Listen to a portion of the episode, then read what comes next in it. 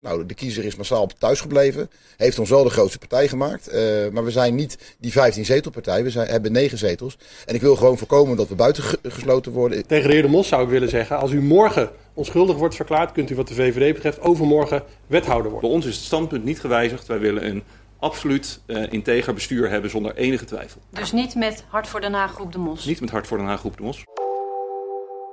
Welkom bij Wegwijs in het IJspaleis, de politieke podcast van Den Haag Centraal, waarin we het hebben over de nasleep van de gemeenteraadsverkiezingen. Ik ben Mieke van Dixhoorn en dit is aflevering 2, de sleutels van de stad. Het stof is neergedaald, de uitslag van de verkiezingen is bekend en de nieuwe gemeenteraad is geïnstalleerd. Maar nu?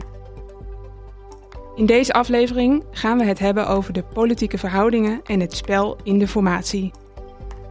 Een lage opkomst en een nieuwe raad waarin relatief weinig verschuivingen zijn, zorgen voor een kater in het ijspaleis.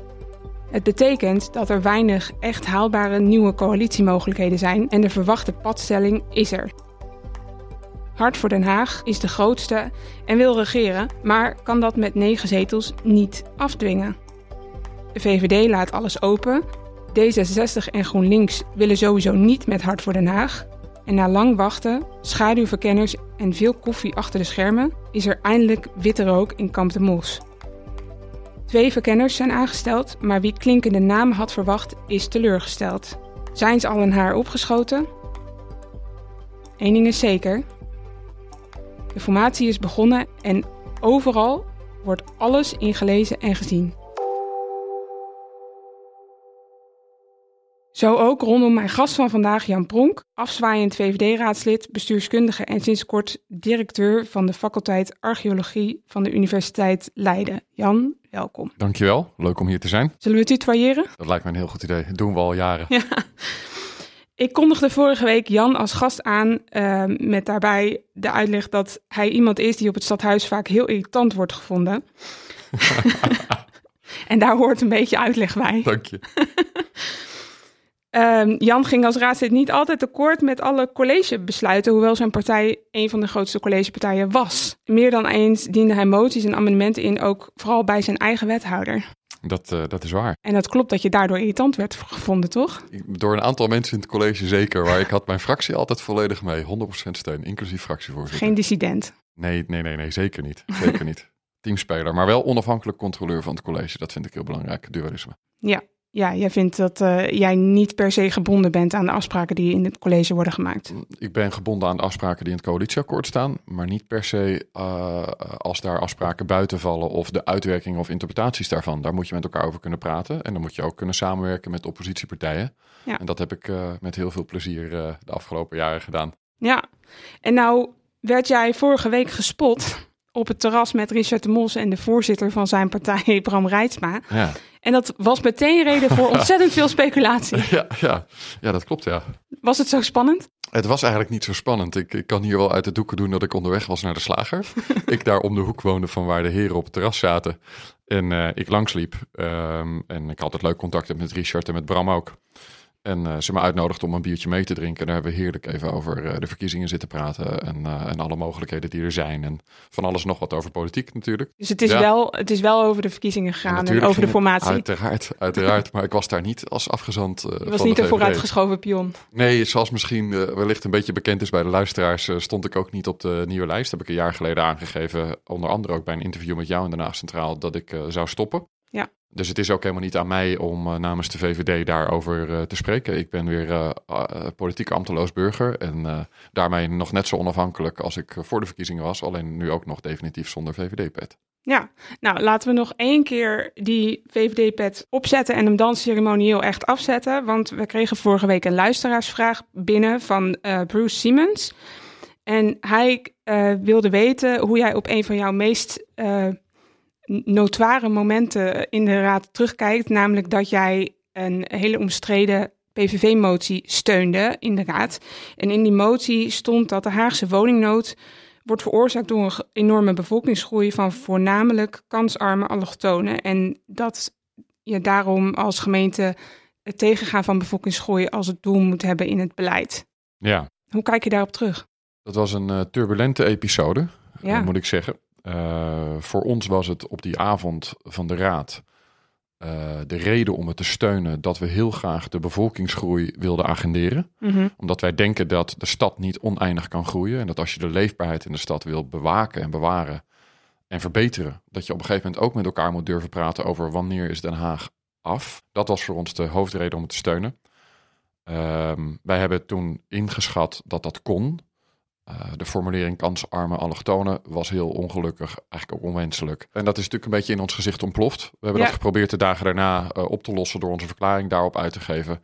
Uiteindelijk is dat ook wel weer gaan liggen, maar het was voor mij persoonlijk ook wel een heel turbulente periode. Ja, omdat er ook wel die- allerlei bagger over me heen kwam. Links, links Den Haag was eigenlijk heel geschokt omdat het zo duidelijk werd benoemd van de kansarme allochtonen. Ja. Ja. Ja, nou je Ja. moet ook kunnen toegeven als je eh, een inschattingsfout maakt. Dat, Ja. eh, en dat, dat is natuurlijk ook gewoon eh, een feit. Maar ik vind wel dat we er ook iets heel moois aan over hebben gehouden.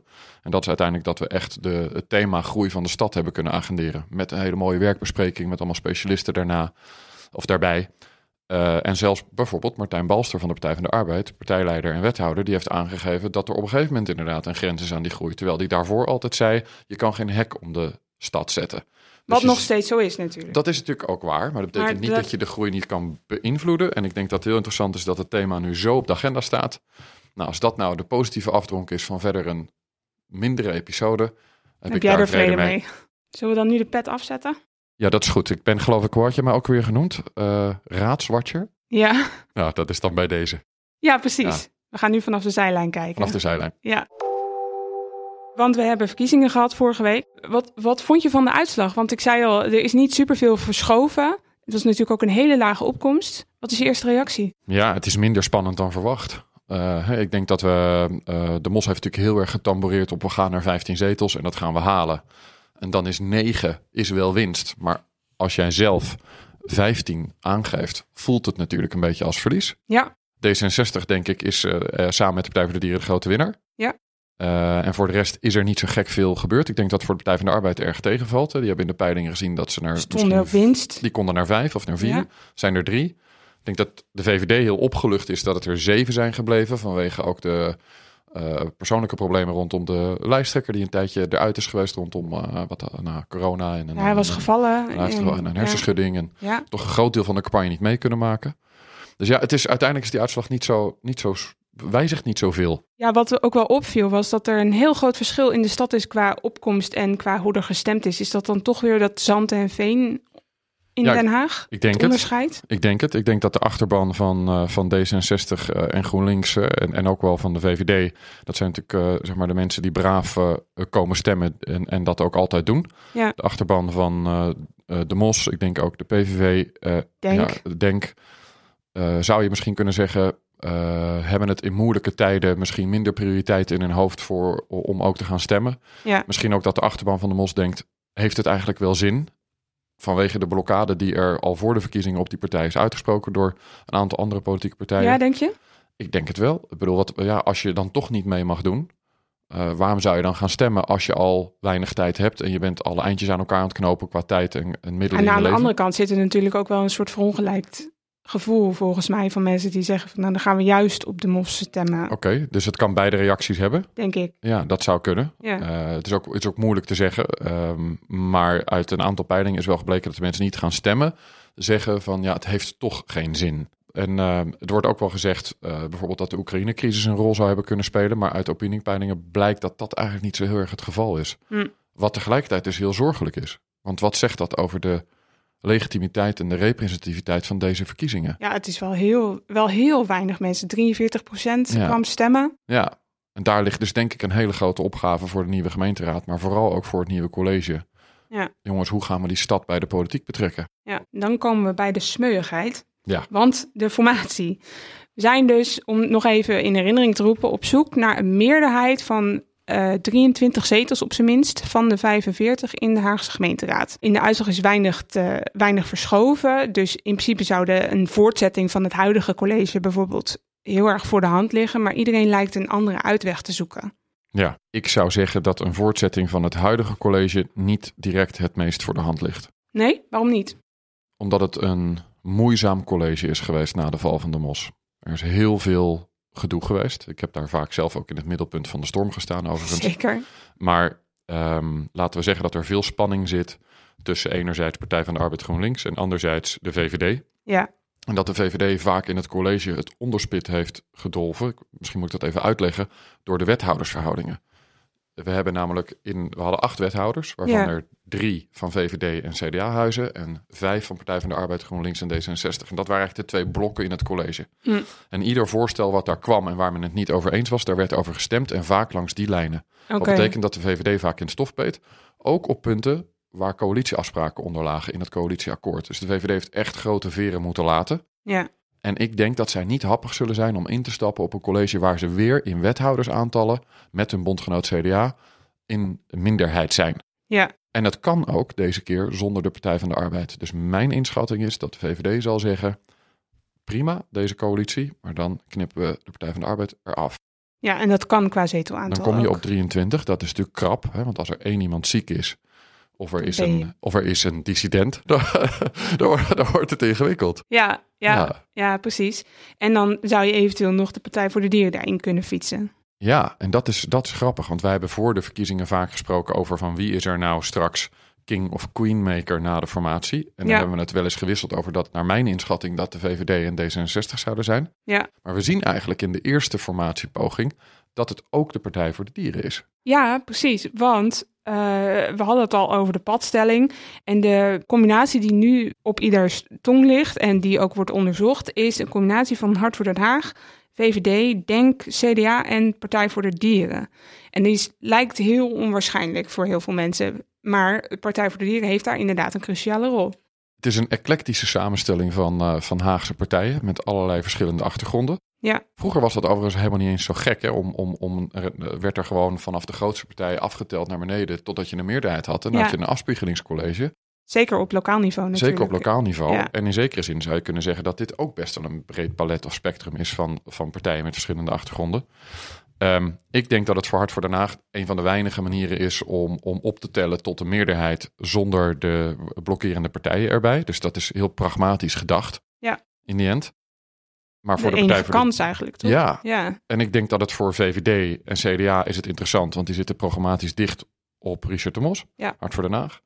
Voor Denk is het denk ik interessant om meteen ook een soort van punt te maken, hè, dat ze meedoen in de stad en een serieuze partij kunnen zijn en daarmee een enorm kunnen doorgroeien de komende keer. bestuurservaring opdoen. Bestuurservaring opdoen, aan Ja. geloofwaardigheid winnen, laten zien dat je verantwoordelijkheid voor de stad kan dragen, laten zien ook dat je verschillen kan overbruggen met partijen die toch wat meer misschien aan de centrumrechtse rechtse kant hangen. Ja. Maar voor de Partij voor de Dieren ja, is het een, een, eh, zeg maar een complexe positie. Er zitten hele grote potentiële voordelen aan, maar er zitten ook hele grote potentiële nadelen aan. Wat zijn de voordelen, denk jij? De grote voordelen zijn denk ik dat ze, ehm, als ze goed onderhandelen, ze hebben natuurlijk een cruciale eh, positie onder Ze onderhandeling. kunnen veel vragen. Zonder hen gaat het niet. Ze Nee. kunnen veel vragen. Ja, Dus op het moment dat zij op het thema wat voor hun het belangrijkste is, in brede zin verduurzaming, energietransitie, vergroening, als ze daar uit die Eneco-middelen die nog steeds eh, uit te geven zijn voor een heel groot gedeelte, eh, een groot gedeelte naar zich toe weten te trekken,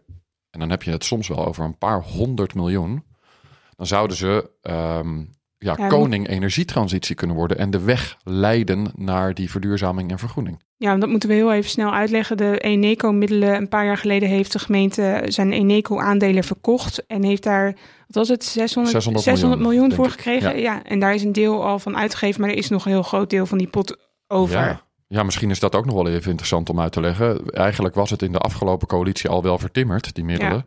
Maar we zouden toch voorzichtig kunnen zeggen, en dan zeg ik het toch echt neutraal eh, als watcher. eh, dat het de GroenLinks-wethouder van Tongeren niet goed gelukt is om die middelen ook echt uit te geven.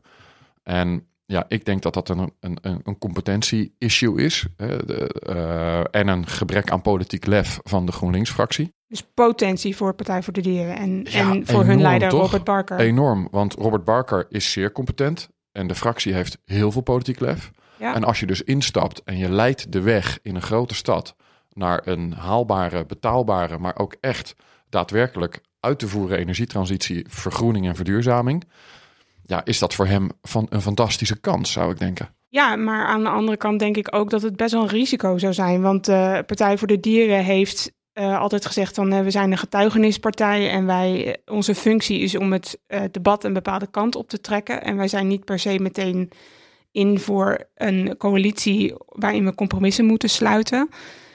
En als ze dan voor het eerst gaan besturen in het hele land, in een stad, eh, in een grote stad als Den Haag, met vier autopartijen, Ja, dat lijkt me toch wel heel riskant. dat, dat is het ook. Ik, ik ben het helemaal met je eens. Ik zie daarin twee risico's. Eén is, eh, je maakt coalitieafspraken. Stel, ze halen daar veel binnen.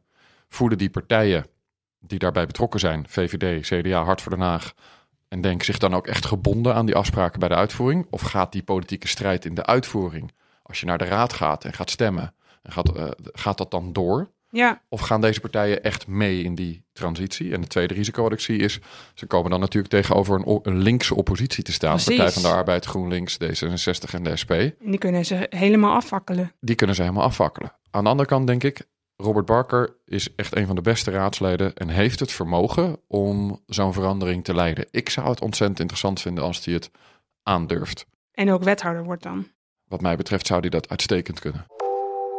Op het stadhuis merk ik ook wel dat een andere combinatie heel veel wordt genoemd, eh, namelijk die over links. En dat is dan D66, CDA, GroenLinks, PvdA, Denk en Partij voor de Dieren. Dus dat zijn zes partijen en die komen dan ook op 24 zetels uit. Eh, misschien net zo onwaarschijnlijk als die andere combinatie, maar heeft deze kans van slagen? Ehm, ik zou denken eh, van wel. Eh, het, het telt op tot 24 zetels, zes partijen. Nou, we hebben de afgelopen keer met vijf partijen gedaan. Ik zou niet inzien waarom een zesde partij dan niet, eh, niet zou kunnen. Nee. Ehm, de vraag is wel of dit voor het CDA en voor D66 een aantrekkelijke positie is. Het zijn middenpartijen en middenpartijen hebben altijd het liefste iets aan de linkerkant hangen en iets aan de rechterkant hangen. Ja, En nu zijn ze natuurlijk zelf zeg maar de buitenspeler in zo'n coalitie. Plus het is natuurlijk ook eh, met een aantal partijen die nog niet hebben geregeerd.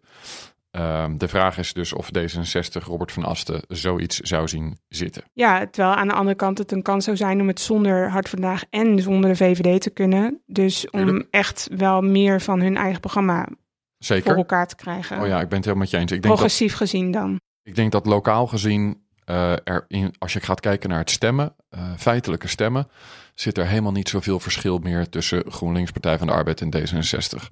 Nee. Dat is een beetje één pot nat. Nou kun je natuurlijk eh, allemaal punten aanwijzen waarop dat niet zo is, maar ik zeg het maar even generaliserend. Hè, er, dat, dat wijkt niet heel veel af. En dan is het interessant om op een aantal thema's, met name sociaal-economisch, dan heb je het over inkomensondersteuning, jeugdzorg, zorg, de belastingen, het verhogen van de OZB, het verhogen van parkeertarieven, eh, meer nadruk op de fiets en het openbaar vervoer. Ja, dat zouden allemaal dingen kunnen zijn die je in zo'n verband redelijk je goed echt eh, kan stappen doen. in zou kunnen zetten. Daar kun je dat redelijk goed doen op een manier waar zij eh, voor staan. Ja, Het is ook wel eens, zou ook interessant zijn omdat je dan ook eens een keer beleid krijgt waar echt een keuze wordt gemaakt. In plaats van dat je op middencompromissen, middelen. Ja, waar precies. eigenlijk soms wel ook niemand zich echt in herkent. nee, Je kan- want het, het, het, eh, wat, wat ik ook wel eh, hoor is dat, dat er nu een strategie zou kunnen zijn om in van die on, onwaarschijnlijke combinaties juist onderwerpen met elkaar uit te ruilen. Een beetje wat de PvdA en de VVD deden in 2012 landelijk gezien. Mhm. Dat de ene gewoon gelijk krijgt op het ene onderwerp en een ander gelijk krijgt op het andere onderwerp. Ik denk dat het in die variant van, eh, van de mos met de Partij voor de Dieren zou het ongeveer op die manier moeten. Omdat je zo, zo verschillend bent van elkaar. Dat je eigenlijk zou moeten zeggen, gun elkaar de ruimte op thema's die je echt heel belangrijk vindt. Maar waarbij, je, waarbij de ander geen onoverkomelijk bezwaar heeft. En dat zou natuurlijk op zich prima kunnen, denk ik. Ja, eh, in zo'n combinatie. Eh, en dan moet je dat accepteren. En dan maak je daar afspraken over. En dan zeg je, jij krijgt de ruimte erop en we steunen elkaar. ja en dat ge- geldt zowel voor de Partij voor Dieren als voor Denk dan, denk ik, in die Lijkt mij ook. combinatie. Ja. Lijkt mij ook.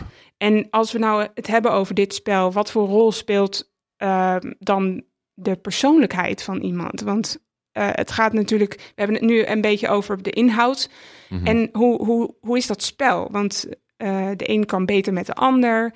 De een heeft een groter ego dan de ander. Ja, Wat voor rol speelt dat? nou kijk, ik denk allereerst de persoonlijkheid van Richard de Mos is natuurlijk niet eh, eh, te missen en niet te negeren. En dat is natuurlijk in eerste instantie vanwege de verdenking die op zijn schouders rust. Ja. Maar in tweede instantie natuurlijk ook wel door het boek wat hij daarover heeft geschreven. En de manier waarop hij zich daarna eh, in, in de pers heeft uitgelaten over wat er eh, gebeurd is bij de val van de coalitie en de blokkades die daarna zijn eh, opgetrokken. Zeker. Hè, dus dat maakt het in zijn persoon al best wel lastig qua spanning tussen hem en een aantal van deze blokkerende partijen. Maar ik zie Ja. wel meer spanningen. Ik zie ook spanningen tussen Martijn Balster en Anne Mulder.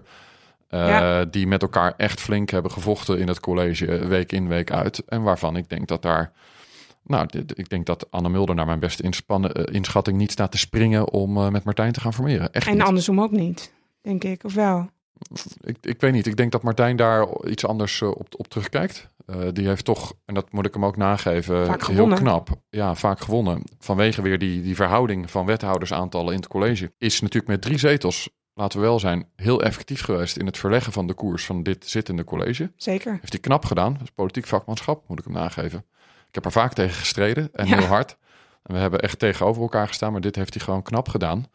Eh, maar dat is natuurlijk voor de VVD geen prettige positie. Nee, dat is waar. En, en hoe kan je dat dan omzeilen om een bepaalde combinatie toch, toch mogelijk te maken? Moeten we dan denken aan dat er iemand anders de onderhandelingen gaat doen? Of dat je... Kijk, uiteindelijk denk ik dat ehm, mensen gewoon het meest pragmatisch zullen kijken naar. eh, partijleiders en onderhandelaars zullen het meest pragmatisch kijken naar. Oké, wat is voor. Waar kom ik het beste uit? Eh, in welke combinatie kan ik het meeste van mijn punten realiseren? En, eh, kan, en dan stap je denk ik over dit soort gevoelens heen. Ja, want- Politici zijn bij uitstek zeer pragmatisch. Hè? Ja. Dus je kan voor de verkiezingen van alles en nog wat roepen. En na de verkiezingen is er een nieuwe realiteit. Roept de bestuursverantwoordelijkheid en de zware verantwoordelijkheid die op je schouders rust om de, om, om de, om de sleutels van de stad in handen te nemen. ja. Lees de wethouderszetels lonken ook, zou ik zeggen, voor de persoonlijke ambities. Ja, dus het is moeilijk in te schatten of echt zeg maar, de onderlinge verhoudingen anders dan wat we net hebben geschetst tussen deze, eh, de, de mensen die we net noemden, Mulder, Ja. Balster en eh, De Mos, of die echt eh, van grote invloed zullen zijn. Ja. Ik denk dat meevalt. Nou heb je voor ons een gastcolumn geschreven ook over de formatie. En daarin schrijf je over wie de sleutels van de stad in handen heeft. En volgens jou is dat eh, de VVD of D66? Leg uit. Ja, ehm, de VVD denk ik met de vraag, accepteert de VVD een blokkade van de MOS? De MOS en de VVD, of Hart voor Den Haag en de VVD, werken eigenlijk al jaren in de coalitie, maar ook na de val van de coalitie heel prettig samen. Ja, Tussen de inhoudelijk is er veel overeenkomst. Er is inhoudelijk heel veel overeenkomsten tussen de verkiezingsprogramma's. eh, p- tussen de mensen in de fracties heeft het altijd heel goed geklikt. Ehm, en het is dus eigenlijk voor de VVD de manier om dat, die balans in dat college op een natuurlijke manier te herstellen. Om met je natuurlijke partner, rechtsmaatje. een rechtsmaatje, Ja. ervoor te zorgen dat je het wel voor elkaar krijgt in die, in die collegebesprekingen wekelijks. Nou, als de VVD die blokkade accepteert, eh, ja, dan gaat ze dus dat andere pad op waarin dat moeilijker wordt. En als je zegt de blokkade accepteert, dat ze, dat ze accepteren om met D66 te gaan onderhandelen zonder hart voor de. Haag. Ja, dat Ja. is de grote vraag. Gaan ze dat doen of niet? En tot nu toe houdt Anne Mulder alle kaarten tegen zijn borst. Hij laat niets los. Nee. Maar het gaat natuurlijk heel snel gebeuren waarbij we dat wel gaan zien. Of dat, of dat wel, wat de VVD wel gaat doen. Ik weet het ook oprecht niet. Ik vraag er natuurlijk wel naar. Ik, bedoel, Ja. ik heb nog steeds goede contacten, kun je je iets bij voorstellen. Maar het is, eh, het is nog, eh, nog niet bekend. Maar in die zin hebben ze dus de sleutel. Houden ze vast? Of laten ze hard voor Den Haag los? En D66 heeft de sleutel, want er is een coalitie mogelijk over links, zoals we net hebben gezegd. Ja. Als ze die accepteren, als ze die positie accepteren, kunnen ze daarop gaan formeren. En dan krijg je dat zes partijen progressieve college. Ja. Ehm, en wat denk ik ook nog mogelijk zou zijn geweest, hè, op het moment dat er een formatie dreigt te slagen van Hart voor Den Haag, VVD, Denk, CDA en de Partij voor de Dieren, de Rita Verdonk eh, Ja. onderzoekscoalitie zo gezegd. Ja, dan, dan dreigt D66 natuurlijk buiten buiten de boot te vallen. buiten de boot te vallen. Ja. En wat doet dat dan met een, een, een partijleider die natuurlijk ook een bestuurder met een carrière in opbouw is? Hoe belangrijk is dan, dat? Ja, is hij dan opportunistisch en pragmatisch? Of blijft hij principieel bij zijn blokkade? Ik denk dat hij zich zo diep heeft ingegraven op die blokkade dat het echt heel ongeloofwaardig zou zijn. Hij kan er niet onderuit hij kan daar toch? niet onderuit. Maar goed, een eh, kat in het nauw kan, na- kan rare sprongen maken. Ja, ja want we, je noemt Rita Verdonk. We hebben de afgelopen anderhalve week heel erg gewacht op een verkenner. En witte rook vanuit Kamp de Mos. Eh, wat bleek was dat Rita Verdonk dus achter de schermen koffie is gaan drinken met heel veel mensen. Eh, een beetje zo'n vooruitgeschoven pion, omdat eh, Richard Mos een moeilijke persoonlijkheid is. En het voor zichzelf heel moeilijk heet- he- heeft gemaakt wat dat betreft. Maar ehm, nu zijn er echt verkenners. Geert ten Boogaard, een professor van de Leidse Universiteit. En Gert-Jan Oplaat, een oud-Kamerlid van de VVD. Wat weten we van hen? Nou, in ieder geval weten we denk ik dat niemand eh, de, de Toto heeft gewonnen. Want ik denk dat niemand deze twee namen zou hebben vermoed. Nee. Eh, Geert ten Boogaard is uh, Thorbecke hoogleraar, bijzonder hoogleraar in Leiden. Bemoeit of houdt zich heel erg bezig met lokale democratie. Ja, heeft ook geschreven over ombudspolitiek. Ombudspolitiek heeft een formatie gedaan in, uh, in Zaandam samen met Job Cohen, dus heeft ervaring. Ja. en Gert-Jan Oplaat was een van de twee VVD-dissidenten in 2004, namelijk met Geert Wilders, met het tienpuntenplan om de VVD naar rechts te trekken en Turkije uit te sluiten van uh, de EU. Ja. Uiteindelijk de aanleiding voor het vertrek van Geert Wilders uit de VVD. Maar Oplaat is gebleven. Is Kamerlid gebleven en is daarna voorzitter geworden van de VVD Overijssel. Van, gewoon van de vereniging. Ja, precies. Um, maar is Agrariër. Dus ja, en, ja. en boer, ook in het Ja. dagelijks leven. Ja. Ja. Ja, dus en eh, ehm, ja, die Gert-Jan Oplaat is dan bedoeld, begreep ik van Richard, dat eh, om, om ook meteen de politieke schwung aan die informatieronde te geven. Ja, ja, dat lijkt mij. Ik vind het een, eh, een, een, een, uniek duo. Ik had het niet verwacht. Eh, ik kan niet goed inschatten hoe dit valt bij de potentiële partners. Hè? Dus als je Denk en de Partij voor de Dieren mee wil nemen. Ja, het is allemaal wel heel Ehm, rechtsconservatief. Ja, en je, hebt het, je neemt een agrariër mee. Ik, nou, Gert-Jan Oplaat stond toen de tijd bekend als een rechtse VVD'er. Ik heb geen idee hoe hij in het verduurzamingsdossier staat. Maar het lijkt me niet bij uitstek meteen een van de mensen die heel veel eh, vertrouwen zal wekken bij de Partij voor de Dieren. Dus die kan ik niet helemaal begrijpen. En Geert en Boogaard heeft ervaring met dit spel. Ja. Ehm, en, en snapt wat ombudspolitiek is. Maar daarmee is het vooral een prettige partner voor Hart voor Den Haag. Maar misschien niet zozeer voor de partijen die hun vraagtekens hebben bij de ombudspolitiek en, en, en, en alles wat daar omheen hangt. Ja, precies, precies. Dus het is ook de vraag eh, met welke opdrachten op, op pad gestuurd worden. Ja, het biedt, het biedt denk ik veel comfort voor, eh, voor Hart voor Den Haag zelf. En ik kan me voorstellen voor de VVD ook. Gert-Jan Oplaat is een VVD'er, dus daar kunnen we, kan de VVD niet zoveel op tegen hebben. Maar voor de mensen die Hart voor Den Haag mee wil krijgen, de partijen, eh, zie ik niet 1, 2, 3 wat daar eh, aan comfort en vertrouwen zou, uit zou moeten ontstaan. En ehm, we hebben het over het spel. Wat, wat verwacht jij aan volgende zetten? Wat zou slim zijn? Ja, nou, ik was natuurlijk bij de, eh, eh, het afscheid van de huidige gemeenteraad. Want daar nam ik zelf afscheid. Ja. En daar gonste het natuurlijk voor de raad en na de raad over wat gaat hier nou gebeuren. Er werd volop geborreld. Er werd voorop geborreld. Ja. Eh, de journalisten waren er, beleidsmedewerkers, voorlichters, de raadsleden, de wethouders. En iedereen staat met elkaar te konkelevoezen. Maar eigenlijk hoor je iedereen zeggen, waar gaat dit nou uitkomen? Ja, Niemand kan dit voorspellen. Er is niet één logische uitkomst. En ehm, in die zin zou ik het ook niet weten. Ik kan alleen maar aanwijzen waar de cruciale spelers zitten. En ik denk dat dat toch echt is bij, bij onder andere bijvoorbeeld de Haagse VVD en de Partij voor de Dieren. Als de Ja. Partij voor de Dieren durft om die onderhandelingen aan te gaan, gaan we die verdonk-coalitie onderzoeken. ja. En als de VVD besluit de mos los te laten, gaan we denk ik die coalitie onderzoeken die er nu zit. Maar dan zal de VVD zeggen, maar wacht even, zonder de Partij van de Arbeid. Ik zie dat als twee scenario's. Ja, en dan hebben we nog die, eh, die, die linkse variant. Ja, ja het, je kan op alle drie uitkomen. En wie heeft er nou het meest profijt bij, bij, die, bij die coalities? Want eh nee, Hart voor Den Haag is natuurlijk... Die wil deze coalitie, de verdonkcoalitie zoals jij hem noemt. Omdat dat de enige kans is eigenlijk. Wat is voor hun nu slim om te doen om dat voor elkaar te krijgen? Nou, ik zou alle ballen zetten op eh, de Partij voor de Dieren eh, eh, overtuigen, ruimte geven. Volop, en vragen wat voor hun de ondergrens is. Want daar, daar ligt de sleutel. Ik denk dat je, ik denk dat je denk wel meekrijgt. Het CDA en de VVD Ja, denk je dat? Want, want Denk heeft natuurlijk, die, die wil graag besturen volgens mij, maar die, die zitten toch wel weer op dat migratieonderwerp. Is de Mos wel een moeilijke partner, denk ik. Ja, dat is, een moe- dat is moeilijk. Richard is een pragmaticus. Ja, die heeft wel eens eerder een halve energietransitie uitgeruild voor een hotel ergens in de stad. Of weet ik veel wat. Weet je. Dat is gewoon iemand die, als hij een deal kan maken, maakt hij een deal. Ik denk dat het voor de VVD ingewikkelder is. De VVD heeft een vrij stevige integratieparagraaf. Ehm, en ja, we hebben natuurlijk wel gezien dat bij de vorige integratienota, waar, wij 17, waar de VVD 17 amendementen indiende, raadsbreed, Denk, of de voorlopers van Denk, erg tegen waren. Weet je, en dan ga je natuurlijk wel daarover botsen. Aan de andere kant, Mieke, moeten we ook eerlijk zijn, integratie is niet het grootste onderwerp in de Haagse gemeenteraad. Of dat terecht dat is of is niet, waar. weet ik dat niet. is waar, dat is waar. En, en, en, en als we naar de andere kant bekijken, wat zou heel dom zijn om te doen? om buiten de onderhandelingen om de relaties erg onder druk te zetten. Je ziet Hart voor Den Haag raadsleden nog wel eens heel actief twitteren. Ja. Dat is ook hartstikke leuk Mhm. eh, om te volgen. Maar ik denk niet dat het helpt in de komende weken om ook heel erg in te gaan of tegen mensen in te gaan met wie je daarna heel graag zou willen Ja, onderhandelen. Dus niet, Dus op teentjes gaan, denken, niet op tenen gaan trappen niet nu. op tenen trappen. Hou even je kaarten tegen de borst. Hou je in radiostilte. eigenlijk. radiostilte. En wat zou voor de Partij voor de Dieren dom zijn om te doen? Oeh, ehm, ja, dan ga ik heel erg op persoonlijke titel spreken. Is ik zou het onverstandig vinden om het categorisch uit te sluiten. Ja, Want maar dat mij. doet hij ook niet. Nee, dat doet hij ook niet. Dat doet hij ook niet. Maar hij noemt het wel onwaarschijnlijk volgens Ja, mij. ja.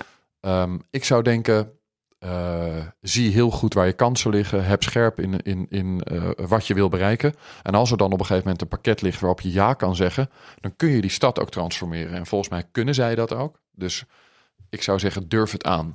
Oké, en dan de laatste eh, King of Queenmaker Robert van Asten. Wat is voor hem de volgende zet? Ehm, ik denk dat hij in, hij, zoals we het nu hebben geschetst, hè, kan hij in twee van de drie potentiële coalities een grote rol spelen. Ik denk dat hij het spannend vindt dat er ook een variant op tafel ligt waar hij niet bij betrokken is. Ja, Dat had hij vermoedelijk niet zozeer zien aankomen, denk ik. Ehm, hij dacht waarschijnlijk dat hij met een blokkade van Hart voor Den Haag gewoon zijn droomcoalitie kon realiseren. Namelijk de voortzetting van deze. Ik schrijf in die column eh, dat als je de VVD en GroenLinks en Partij van de Arbeid met elkaar laat vechten, dan is het compromis, zeg maar, eh het D66 D66-verkiezingsprogramma. ja, Als hij nou de VVD aan zijn zijde wil trekken, zou ik denken dat hij er verstandig aan zou doen om die optie te pakken waar de Partij van de Arbeid dan niet bij zit. Huidige coalitie minus Partij van de Arbeid. Dat zou voor de VVD denk ik een heel prettige positie zijn. En daarmee kan zou hij, verleidelijk zijn. ja, dan kan, daarmee kan hij ook zijn eigen deelname garanderen. En dan sluit hij dat risico van die variant met Hart voor Den Haag uit. Ja. Maar dan moet hij dus Partij van de Arbeid loslaten. De vraag is even, willen ze dat? Want zoals we eerder al zeiden, dat lijkt allemaal wel erg op elkaar. Ja, Vind ik. alright. Genoeg om over na te denken. En Jan, bedankt dat je het gast wilde zijn. Nou, heel graag gedaan. Ik vond het ontzettend leuk. Mooi zo, want we gaan je nog vaker spreken. Je gaat vaker een gastcolumn voor ons schrijven. En eh, we gaan in een aantal afleveringen jou ook even bellen Ja. om het een en ander te bespreken.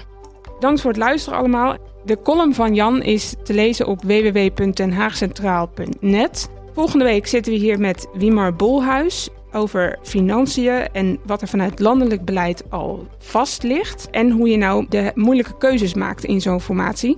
Heb je vragen of opmerkingen? Stuur die dan naar podcast.denhaagcentraal.net.